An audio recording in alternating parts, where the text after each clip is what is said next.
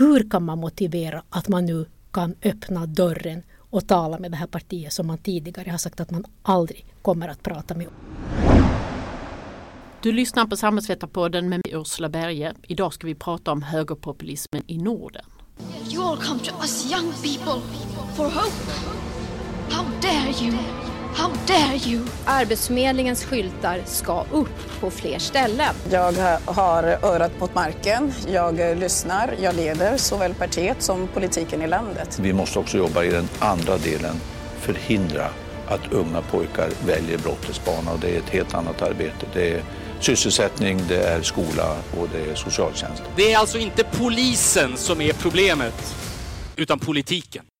Hej och välkomna till Samhällsvetarpodden som leds av mig Ursula Berge, samhällspolitisk chef på Akademikerförbundet SSR. Vår gäst idag är Ann-Katrin Ljungar som är docent i statsvetenskap vid Södertörns högskola och specialiserad på högerpopulismen i Norden. Välkommen Ann-Katrin! Tack så mycket! Jag tänkte att vi idag skulle prata om de högerpopulistiska partierna i Norden, förstått som Sverigedemokraterna i Sverige, Fremskrittspartiet i Norge, Dansk Folkeparti i Danmark och Sannfinländarna i Finland. Och det känns lite extra angeläget utifrån en svensk horisont för Sverigedemokraterna har väldigt höga siffror. Det har hänt någonting i att de talar med andra partier. Det är någonting som, som eh, som eh, flyttar sig, ska vi säga, i det svenska politiska landskapet. Och jag tänkte eh, att vi skulle jämföra det med de nordiska systerpartierna. Eller är de inte nordiska systerpartier? Hur lika är de här partierna varandra egentligen? De är ju lika varandra i den politik de framför. Det är ju invandringskritiska partier. De är också kritiska och skeptiska till det europeiska samarbetet. De har en värdepolitik som är konservativ. Och ekonomiskt så står de nordiska högerradikala partierna i mitten. Ibland kan de stå lite till vänster och lite till höger. Det beror lite på vad de har för avsikter. Om de har ambitionen att ingå i någon, någon regering. Så vi som forskar om de här partierna så vi tenderar att, att klassificera de här som en, en ny nordisk partifamilj och vi kallar dem då populistiskt högerradikala partier. Mm. Och de samarbetar ju också med varandra i Nordiska rådet. Där har de ju en gemensam partigrupp. FRP är inte med alltså det norska högerradikala partiet. Också i EU så var de ju fram till det förra Europaparlamentsvalet så var de med i samma partigrupp ECR. Men efter valet eh, under våren 2019 så flyttar ju sig Sannfinländarna och Dansk Folkeparti till den här gruppen som Marine Le Pen och Matteo Salvini från Italien bildade. Mm. Och vi ska försöka eh, göra en europeisk och internationell utblick också. Men jag tänkte, du kallar dem både högerradikala och högerpopulister. Vad tycker du egentligen är bästa epitetet? man kan väl snarare säga att de är högerradikala och då när man talar om höger så är de ju höger på den här nya politiska konfliktdimensionen som har etablerat sig i våra nordiska system. Tidigare när man tänker sig nordisk politik så har ju den socioekonomiska vänster-högerskalan, alltså den som handlar om skatt skatter och välfärd och privatisering varit den allra viktigaste och nästan den, den enda som har styrt politiken, alltså hur väljarna väljer parti och hur partier samarbetar med varann i parlament och i regeringen. Men under de senaste ja, tio åren kan man väl säga så har ju den här nya sociokulturella konfliktdimensionen etablerat sig och den handlar ju om, om andra om värdepolitik.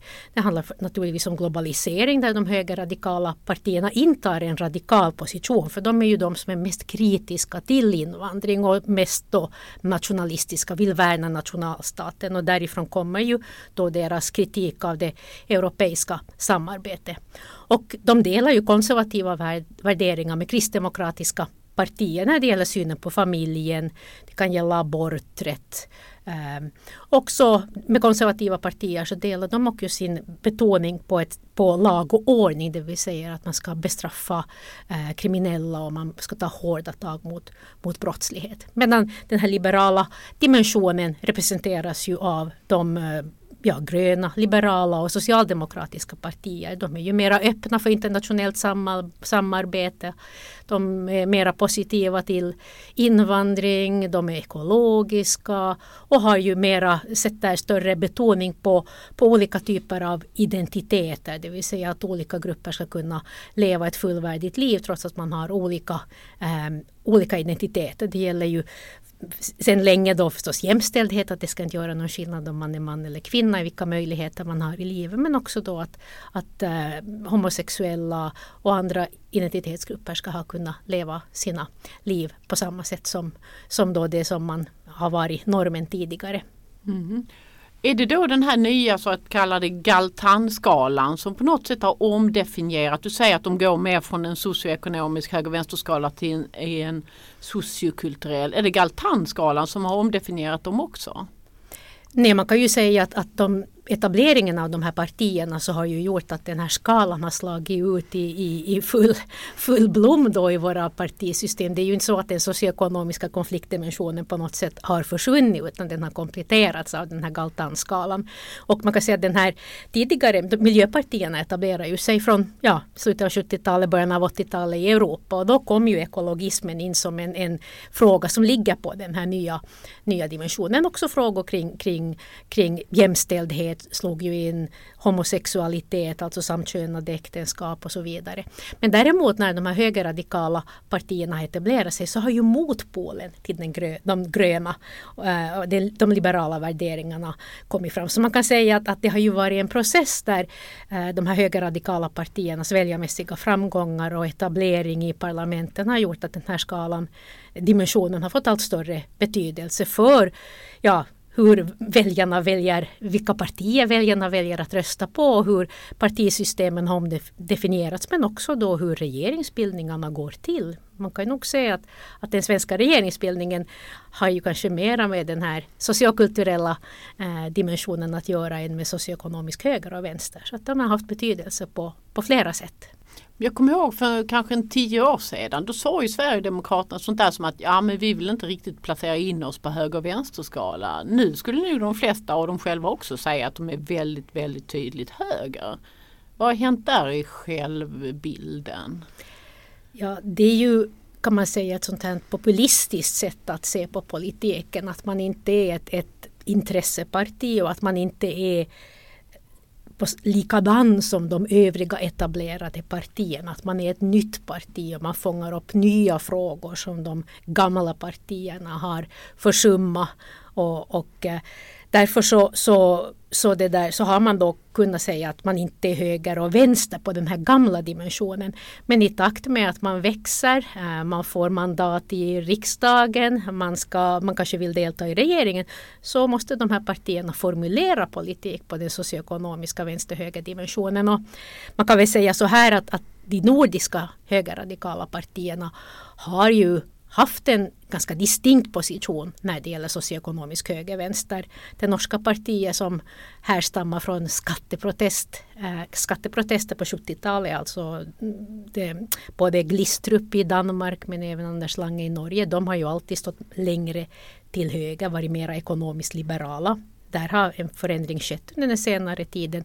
Medan då Sannfinländarna som har sina rötter i en agrarpopulism som företrädde den småbrukande befolkningen på landsbygden när Finland genomgick en stark urbanisering och en ganska snabb modernisering och, och där många av de här kände att de kom i kläm i den situationen. De har alltid då haft en ganska vänsterposition, tala om omfördelning till de småbrukande jordbrukarna på landsbygden som, som hade det svårt och, och så. Så att de har alltid stått till vänster om mitten. Och så, så, Sverigedemokraterna talar ju rätt tidigt, alltså när de ännu var ett väldigt marginellt parti på, på 90-talet, om de eh, behövande i befolkningen. Det var ju ofta pensionärer och barnfamiljer och, och, andra utsatta grupper. Så de har ju haft en position som har varit rätt stabil där i mitten. nu på senare tid så har de kanske rört sig lite till höger eftersom de har en blick på att kunna samarbeta med, med till, till höger då framförallt med moderater och kristdemokrater och mm. kanske då liberaler. Och du tar ju upp det här väldigt tydligt att de har, de har väldigt olika ursprung. Alltså Sverigedemokraterna har ju ett nationalsocialistiskt ursprung även om de försöker förneka det. Och, och du säger här till exempel att Sannfinländarna kommer från ett agrart sammanhang. Men man får ju ändå, även om de har väldigt olika ursprung, så får man ändå intrycket av att de konvergerar väldigt mycket nu. Stämmer det? Ja, nej, men det är ju precis den, den tankegången som, som jag och min kollega Anders Råvik Uppsås har, har drivit och, och, och eh, verkligen forskat om och försökt visa att de från olika ideologiska ståndpunkter så har de nu närmat sig varandra. Och därför kan vi se att de här partierna som har väldigt olika ideologisk bakgrund nu är en gemensam partifamilj och förenas då i sin invandringskritik och sin kritik av EU och överstatliga organisationer i en form av eh, konservatism som de, som de har.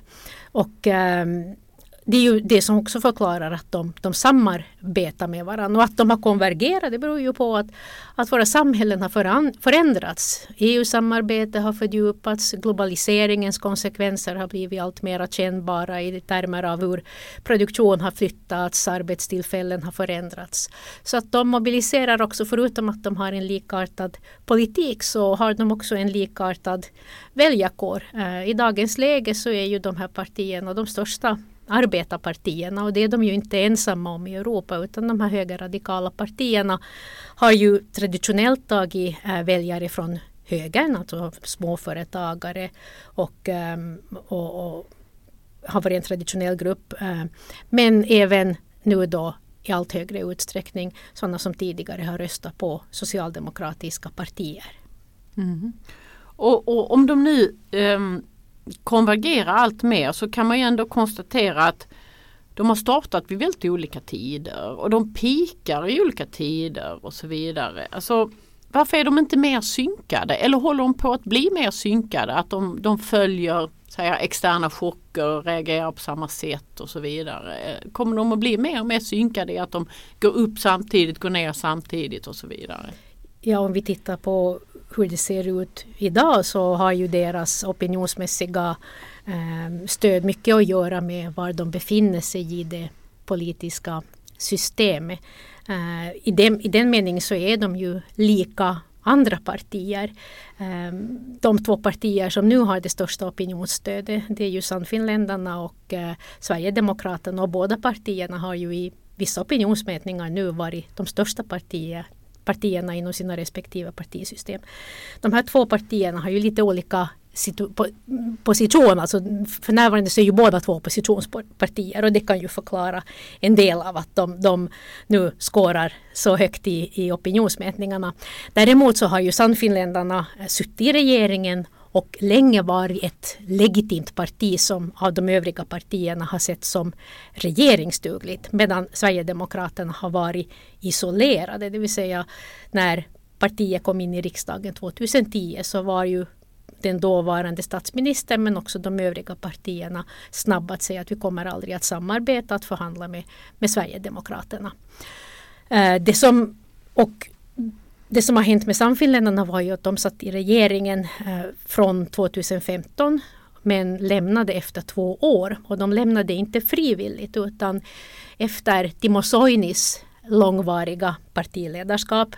Och när han annonserade att han skulle avgå så valdes Jussi halla som representerar en mer radikal nationalistisk falang i Sannfinländarna till ordförande. Och då deklarerade de regeringens två övriga partier. Det var Samlingspartiet, alltså det som motsvarar Moderaterna i Sverige och Centern att de kommer att bryta samarbete därför att de anse, ansåg att Sannfinländarna nu var ett helt annorlunda parti.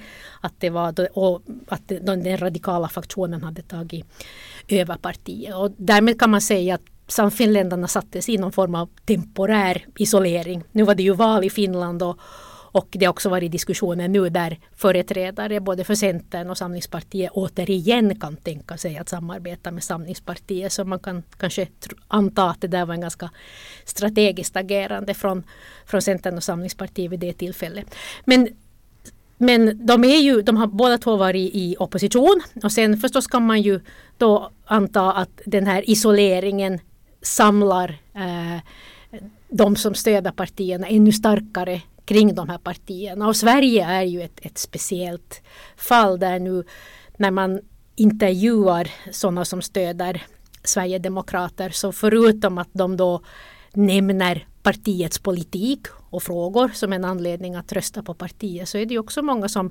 kanske vill ge etablissemang eller de etablerade partierna en spark i baken genom att, att rösta på det här partiet som man då tidigare har isolerat. Att man tycker att i någon mening är, är då orättvist att man inte vill samarbeta med ett parti som har fått ett allt större förtroende från många av väljarna. Och det kan vara en anledning till att man lägger sin röst och då är det ju till, till delar också inte bara en invandringskritisk röst utan även en proteströst att rösta på Sverigedemokraterna. Man, men man skulle aldrig kunna säga att man, man kanske röstar av Sverigedemokraterna enbart som en, som en protest utan det är ju naturligtvis invandringsfrågan som är den allra viktigaste och avgörande frågan för att lägga sin röst på ett högerradikalt parti i likhet med Sverigedemokraterna. Mm.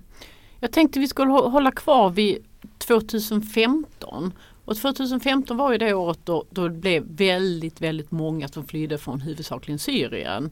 Och att det gav en, ska vi säga, en extern chock eh, på, på nordiska länder och europeiska länder i stort. Eh, det var ju det året som Sverigedemokraterna steg väldigt, väldigt mycket. Det var ju samtidigt det året då Sannfinländarna verkligen krisade stort och fick sen lämna regeringen. Eftersom ett eh, var 2015 ska vi säga ett lackmuspapper på att, ja, vad ska man säga, att, att de här partierna växer när de är i opposition av sådana här externa chocker men, men förlorar om de sitter i regeringsställning. För de klarar inte riktigt, alltså det blir en svår diskussion att sitta i regeringen när sådana externa chocker sker.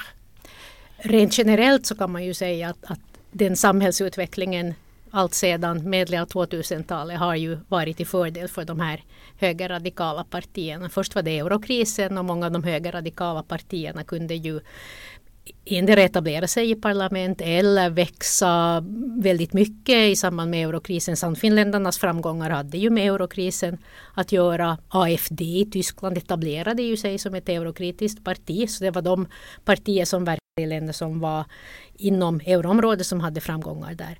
Och naturligtvis så var ju då flyktingsituationen 2015 också en, en, eh, en sak som gjorde att de här partierna kunde presentera sin politik och få väljarnas eh, förtroende för, för det. Så att det är ju de, det är ju deras frågor som lyfts upp på dagordningen och de har ju väldigt entydiga svar och klara svar på de här frågorna. Så klart att den här samhällssituationen har, har gynnat dem. Ska vi få en socioekonomisk kris så är ju frågan, eller den här klimatkrisen ännu skulle eskalera och den får mycket större betydelse för väljarna att agera så är det ju kanske helt andra partier som skulle kunna nyttja den situationen. Man pratar ju om sådana politiska möjlighetsstrukturer och man kan säga att både EU, EU, eurokrisen och flyktingsituationen har ju varit verkligen möjlighetsstrukturer för, för de här högerradikala partierna. Mm. Sen när det gäller högerradikala partiers eh, prestationer i regeringen, att det finns en österrikisk statsvetare som skrev en av de första artiklarna om populistiska partier och regeringar och han sa att dömda att, att, att eh, misslyckas i regeringen och, och vara framgångsrika i oppositionen. Det baserades ju på, på det österrikiska fallet. De var ju med i regeringen 2000 och då reagerade ju EU med stor vånda över det hela och man avbröt ju samarbetet med den österrikiska regeringen och, och man var ju orolig för vad som skulle hända. och Man var ju också framförallt orolig för hur det skulle, om de högerradikala partierna skulle växa på hemmaplan. Nu har vi ju sett lite olikartade resultat. FRP i Norge som har suttit i regeringen sedan valet 2013. De blev sen så har ju suttit i en andra period men avgick ju nu här för i början av januari.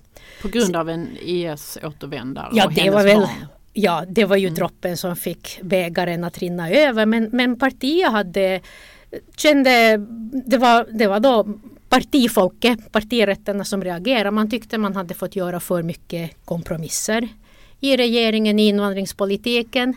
Man hade haft ett lokalval före där FRP hade gått väldigt starkt tillbaka. Man hade förlorat många av sina kommunala fästen, alltså där man hade eh, makten. Och sen så hade ju partiet då Eh, gått tillbaka i, i opinionsmätningar under hela 2019 och då var det väl läge att gå ur. Så man kan ställa så här att det kan ju vara så att, att, att både fotfolket, alltså medlemmarna och äh, väljarna är lite mer känsliga för att eh, om, om, om partiet förlorar mycket och måste kompromissa och därmed kanske lämna partiet snabbare än vad, vad andra väljare till andra partier gör.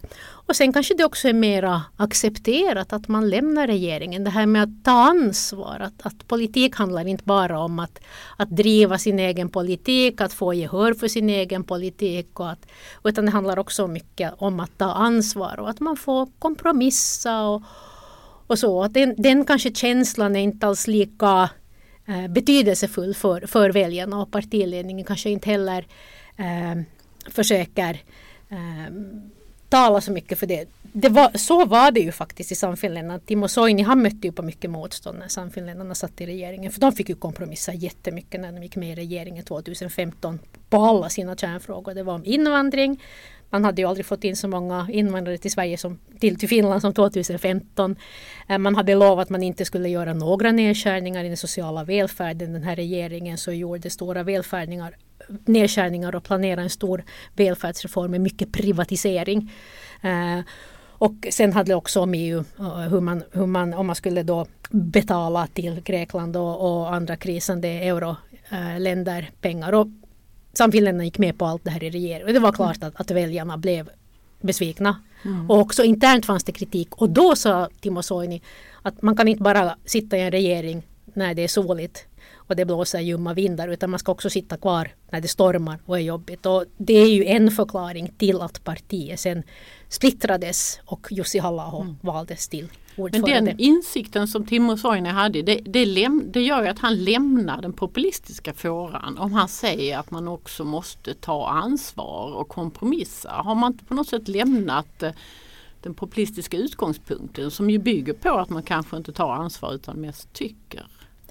Ja, men populister sitter ju i regeringar och tar ansvar. Så jag vet inte om, om man ska säga så att det är ju det som är med populismen, att det är ju en anti-etablissemangsposition. Alltså man har ju en grundläggande kritik av, av de etablerade politiska partierna. Och naturligtvis så är det ju en, en svår situation när man samarbeta med partier som man tidigare har kritiserat för att inte lyssna på sitt fotfolk. Att, mm. att, slå, att de slår dövörat till och de, de väljer att inte uppmärksamma frågor som, som väljarna tycker att det är de allra viktigaste. Det vill säga invandring och EU och vad det nu kan vara. Så att klart att det finns en, en svår balansgång att göra här. I Timo Soinis, för Timo Soinis vidkommande så kan man väl säga att för honom var det nog liksom kronan på hans politiska livsgärning. Han hade jobbat under eh, då, det föregångarpartiet, Landsbygdspartiet, Veikko Vennamos ledning. Han var då ordförande för deras ungdomsorganisation. Han var med när Landsbygdspartiet gick i konkurs och när Sannfinländarna bildades igen 1995. Han byggde upp det där partiet och så kom den här stora framgången 2011 när de fram, fick femfaldigade sitt stöd. Och sen så tog han in parti i regeringen och nu var han utrikesminister. Alltså han ville nog, tror jag, också själv sitta kvar och få genomleva det. Och det fick han ju. Eh, han, det var ju en grupp som bröt sig ur Samfinländarna då när Halla valdes till ordförande. De satt kvar i regeringen och erbjöd, gav då regeringen det stöd de behövde för att kontrollera en majoritet i parlamentet. Men det partiet försvann ju sen i eh, i, i parlamentsvalet då, riksdagsvalet 2019. Så det blev det lite, lite smolk i bägare men han fick ju ha alla de här uppdragen mm. som han ville ha. Så att, men om man tittar på opinionssiffrorna just nu så får man lite intrycket av de partierna som har suttit i regering eller, eller utgjort regeringsunderlag förlorar på det rent äh, väljarmässigt. Är det som äh, din österrikiska kollega drog slutsatsen att de mår bättre i opposition om man ser till väljarstöd? Så är det väl med alla partier nu för tiden att, att, att, ta ansvar att sitta i regeringen så har effekt på alla politiska partier och deras understöd. Alltså väljarna är mera otåliga. De, de, och det beror ju på att väljarna inte har samma partiidentitet identitet längre utan vi byter ju partier, vi är mera otrogna och vi är kanske också mera sakfrågepolitiskt orienterade när vi väljer våra partier. Och det gör ju också att part, väljarströmmarna går mycket snabbare idag. De är inte lika stabila som tidigare. Så det som man kallar då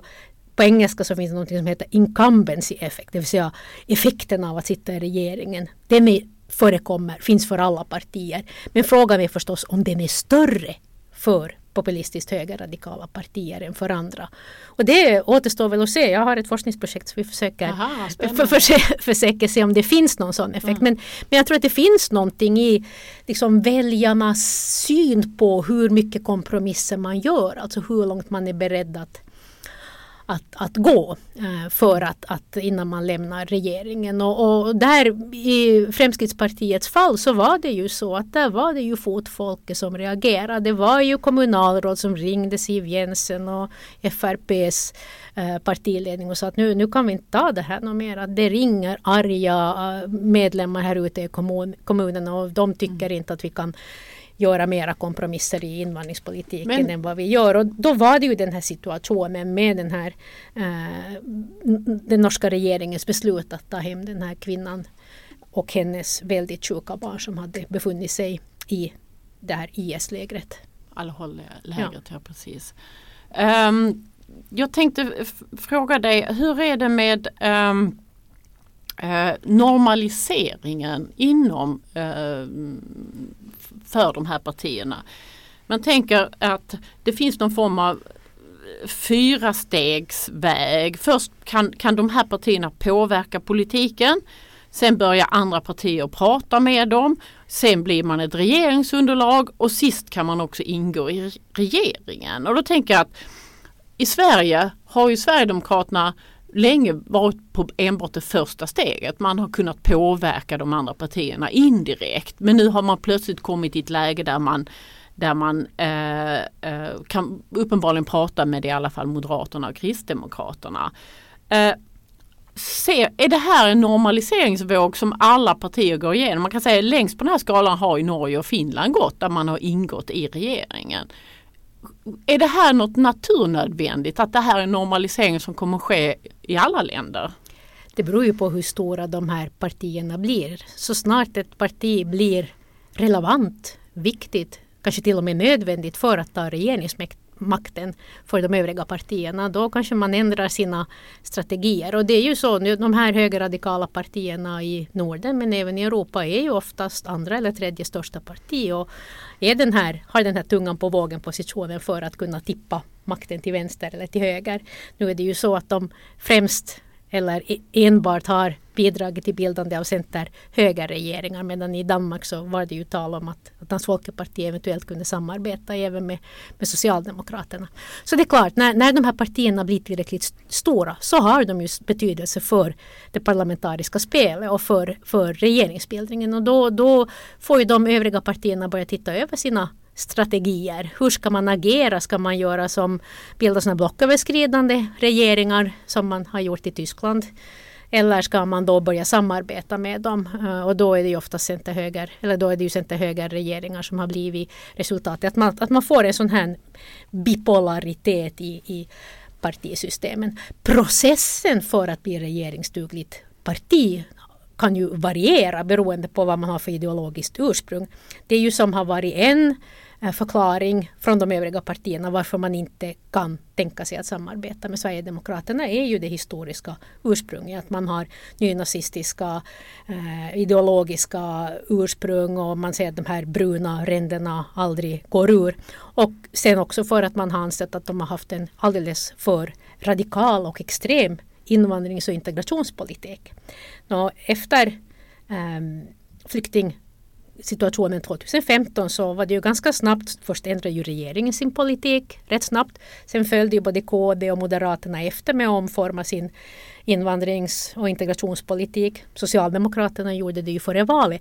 Så nu är ju kanske inte avståndet när det gäller invandringspolitiken så stort mellan vissa av de svenska partierna idag. Däremot så försöker man ju framhålla att man av, av olika skäl, att Sverigedemokraternas invandringspolitik bottnar i en nationalistisk ideologi medan de övriga partierna de gör ju det för att det är nödvändigt. Sverige kan inte ha en invandringspolitik som särskiljer sig från Europas eller vi har sån hög brottslighet att vi måste vidta strängare åtgärder när det gäller eh, integrationspolitiken eller brottsförebyggande eh, arbete. Så att det gör ju att de här anledningen till att isolera den, den, den luckras ju upp. Och eh, det som ju också händer med isoleringen som jag tycker att det är ganska viktigt att påpeka det är ju att den här isoleringen skapar en inlåsning även sakpolitiskt. För när Fredrik Reinfeldt uttryckte det här att vi kommer aldrig att låta Sverigedemokraterna ha inflytande över invandringspolitiken i Sverige. Och man hade ett parti som mobiliserade invandringskritiska väljare.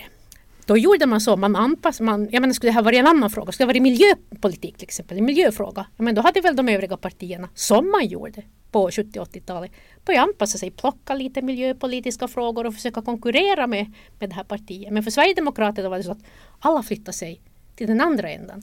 Så deras invandringspolitiska positioner liberaliserades. Man var mycket mer positiv till invandring. Moderaterna gjorde upp med Miljöpartiet då 2011 om att liberalisera invandringspolitiken. Också arbetskraftsinvandringen liberaliserades.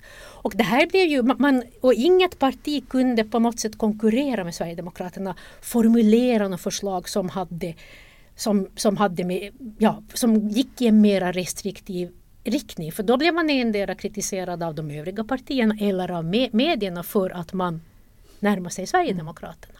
Men flyktingsituationen 2015 ändrar ju på det här och då kom ju den här anpassningen som vi nu har sett i svensk politik där olika partier presenterar olikartade invandrings mer eller mindre restriktiv politik. Och det är ju det som också har då öppnat upp för det här samarbetet med, eh, eller vad kan man säga, inte, inte samarbete men att man har börjat samtala med Sverigedemokraterna nu efter valet. Det var ju KD som var först ute, Ebba Busch Thor åt lunch mm. och nu har ju också Kristoffersson sagt att, äh, Kristersson äh, sagt att, att Moderaterna kan tänka sig att samarbeta med, med Sverigedemokraterna i invandringspolitik och brottspolitik och den lilla kärnkraft. Så det är ju en kombination av hur stora de här partierna är Mm. Hur, vilken betydelse har de för att man ska kunna ta regeringsmakten? Och för det andra om hur de övriga partierna då kan på något sätt, och i, i ett fall när man har isolerat partiet och sagt, tagit sånt starkt avstånd och har investerat så mycket i att isolera Sverigedemokraterna. Hur kan man motivera att man nu kan öppna dörren och tala med det här partiet som man tidigare har sagt att man aldrig kommer att prata med. Och det kan ju komma med en stor politisk kostnad. Mm. Skulle du säga att, att Sverigedemokraterna har vuxit i väljarstöd för att de tidigare var isolerade och fick en martyrstämpel och, och eh, fick stödröster på grund av det? Eller på grund av att, det, att så många partier nu orienterar sig så väldigt nära åsiktsmässigt i den här kärnfrågan om invandring. Vad är det egentligen Sverigedemokraterna har vunnit mest på? Ja, det, är väl en, det är ju svårt att säga proportionen mellan det här. Det är klart att det här, som, som jag sa tidigare, det här att man tycker att det är fel att man isolerar Sverigedemokraterna har betydelse. Men jag tror snarare att det är så att de övriga partierna lämnade ju fältet fritt för Sverigedemokraterna att vara det enda partiet som formulerade en restriktiv politik när det gäller invandring. Som har gett Sverigedemokraterna sitt stöd i kombination att med att vi har haft en situation med en stor eh, flyktingkris eh, i Europa eller flykting, många flyktingar som kom till Europa efter krigssituationen. För Sverigedemokraterna var ju fram till 2015 det enda partiet som erbjöd invandringskritisk politik. Och, och nu trots att de övriga partierna närmar sig så är det ju Sverigedemokraterna som anses ha den största trovärdigheten i invandringspolitiken. Så den här anpassningen har inte lett till att väljare som tidigare då har röstat på moderater eller socialdemokrater har gått tillbaka till sina gamla partier. Utan mm. de fortsätter att rösta på Sverigedemokraterna för man anser väl att det här är ett, ett parti som som, som har trovärdighet i den här frågan. Och Jimmy Åkesson har ju inte heller varit så uh, varit sen att utnyttja det här och sagt men varför ska man rösta på kopiorna när vi är originalet? Det uttrycker ju det i ett nötskal. Jag hörde en podd som du var med i 2015, det är ju faktiskt fem år sedan nu. Då, då hade Sverigedemokraterna mellan 8 och 12 procent av väljarstödet. Och då sa du att en ökning för dem skulle kräva att ett, att de ändra, att, eh, ändrade inställning i befolkningen rörande invandring. Två, att de blir trovärdiga i fler typer av frågor. Till exempel sysselsättning och välfärd. Tre, att de måste bli mer attraktiva i frågor som attraherar kvinnor.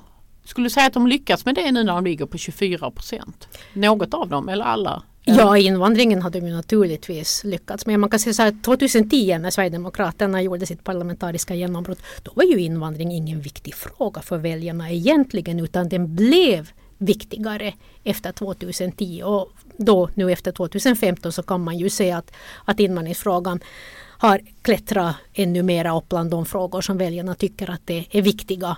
Att, så, så det är klart att det har ju, ju gynnat eh, Sverigedemokraterna och Sverigedemokraterna har ju också varit väldigt framgångsrika att lyfta upp den här frågan på agendan och de övriga partierna har, har reagerat på den.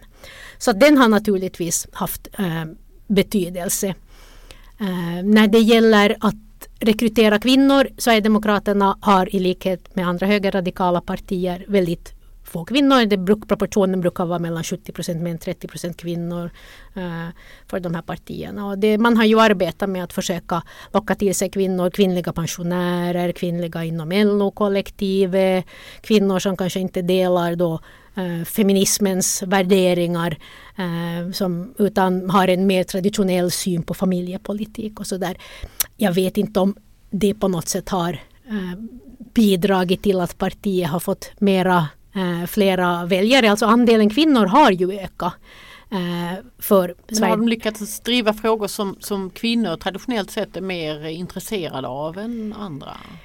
Ja, de, har, de har ju kunnat, alltså, de har ju lyft upp vissa frågor men jag tror inte att det haft så stor betydelse. Man ser ju också att de har gått i en mer liberal riktning nu. Jag menar det gäller abortfrågan, eh, synen på samkönade äktenskap. Det var ju två frågor som var uppe på deras senaste lantdagar. Och det kanske inte har så mycket med med deras väljare att göra. För det här är frågor som kan, inte är avgörande för att lägga sin röst på, på parti utan det handlar ju om att göra sig mer aptitligt för de övriga partierna och slippa de här eh, kniviga frågorna som man får från median och som alltid hålls emot dem. Utan då har man sopat dem rent och så kan man så kan då till exempel nu som är fallet Moderaterna och KD säga att ja men nu är de inte så kritiska till aborten. De vill inte inskränka i aborträtten och de är inte mot samkönade äktenskap. De är liberala på de här frågorna som vi tycker att är viktiga.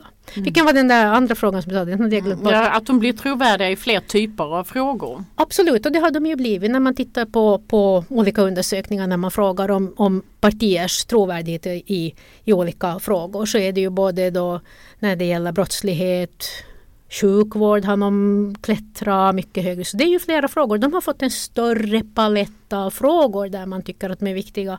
Och det är ju så att det fanns ju tidigt när de här partierna etablerades, är det här bara en fråga partier? Har nog bara en fråga? Det är klart, de har, inte, de har ju inte bara en fråga. De måste ju formulera politik i många frågor för att kunna eh, få röster och att kunna agera i, i beslutsfattande församlingar och, och, vara partier som är relevanta för andra partier. Däremot kan man ju säga att deras politik i de här frågorna är ju på olika sätt kopplade till invandringen när det gäller brottslighet. Så kriminaliteten beror på att vi har eh, som stor invandring och öppna gränser. Och när man pratar om jämställdhet så kopplar man det till hedersmord och, och andra kulturer. Och, och, också när det gäller välfärden så ställer man ju välfärden för de egna, de svenskarna gentemot de välfärdssatsningar som gör på de nykommande, det som vi kallar välfärdsfeminism man kan ju säga att de här, den här politiken som de har i de övriga frågorna och formulerar så är ju tätt sammankopplad med deras viktigaste fråga. Mm. Jag tänkte vi skulle göra en liten internationell utblick. Alltså om vi tittar på de nordiska högerpopulistiska eller högerradikala partierna hur mycket påverkas de av eh, en del andra ska säga, röster av kanske högerpopulistisk eh, natur som till exempel Donald Trump, Bolsonaro, Duterte. Att det finns ett internationellt politiskt samtal som har helt ändrat karaktär med nya typer av röster. Hur, hur påverkar det de här nordiska partierna?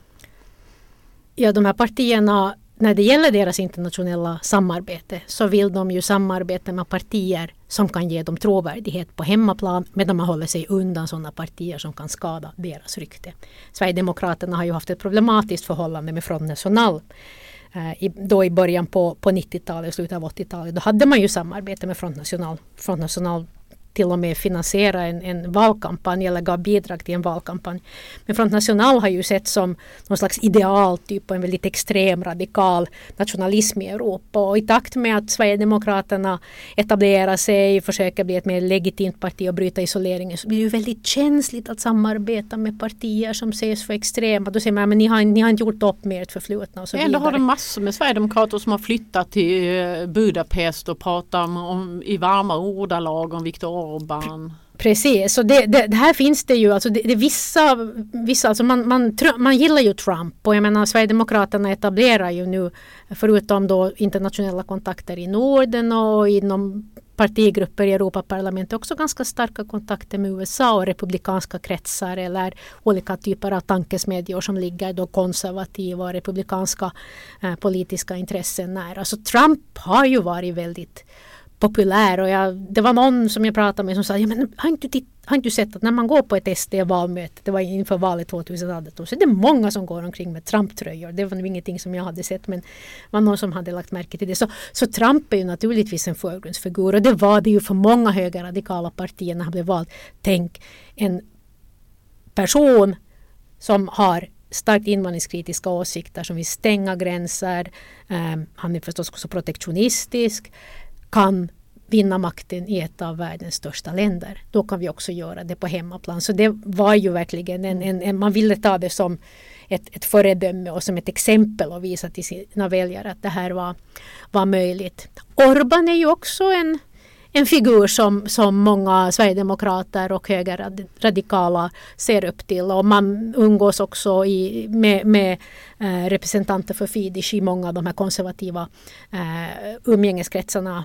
Men vad anses de här vara en plusfaktor men inte Marine Le Pen och från National? Det beror på vad som kommer ovanför den här varseblivningströskeln, alltså vad som kommer ut och vad som är viktigt för väljarna. För, för väljare så är kanske de internationella kontakterna inte så, så viktiga. Och sen ska vi väl framhålla att Orban sitter ju med i EPP och det är anledningen till att man Sverigedemokraterna inte får så mycket kritik för att man flörtar eller frotterar sig med Orban är ju att Moderaterna sitter ju i samma partigrupp som Orban fortfarande. Han har inte blivit utslängd för, från EPP-gruppen. sig på det. Precis, men, men han sitter ännu där och mm. han samarbetar med konservativa och kristdemokratiska partier i Europa. Och då är det kanske inte så lätt att kasta den här uh, skulden på skam, uh, genom av skam till Sverigedemokraterna för det är därför att man själv samarbeta med honom och EPP behöver ju eh, eh, Fidesz i sin partigrupp för de tillför ju rätt många mandat.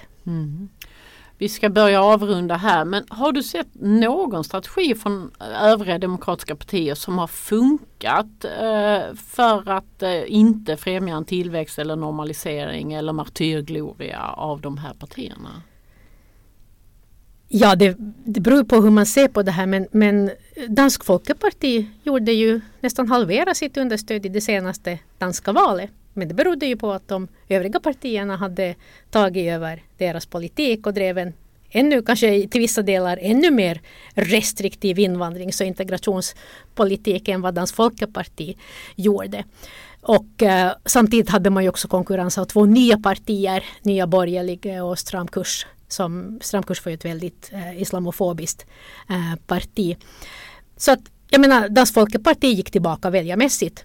Men politiken lever ju kvar. Och jag tror det är det man ska komma ihåg att trots att de enskilda partier försvinner så finns det ju väljare som fortsättningsvis vill ha partier som företräder dem i de här frågorna. Och då är frågan, är det något annat parti som tar över de här frågorna och kan moderera dem? Jag vet inte vad som sker, i, vi får se hur det går i, i Danmark men där är ju, har ju både de konservativa och det socialdemokratiska partiet sagt sig vara villiga att, att samarbeta med Dansk Folkeparti. Belgien, där finns det ett parti som heter Flams Belang. Det började som ett regionalt parti men blev som många partier på 90-talet då starkt invandringskritiska. De isolerades. Eh, till att börja med så gick det väldigt dåligt från 2008 till 2018 så sjönk de. De höll nästan på att åka ut ur, ur eh, det belgiska eh, parlamentet.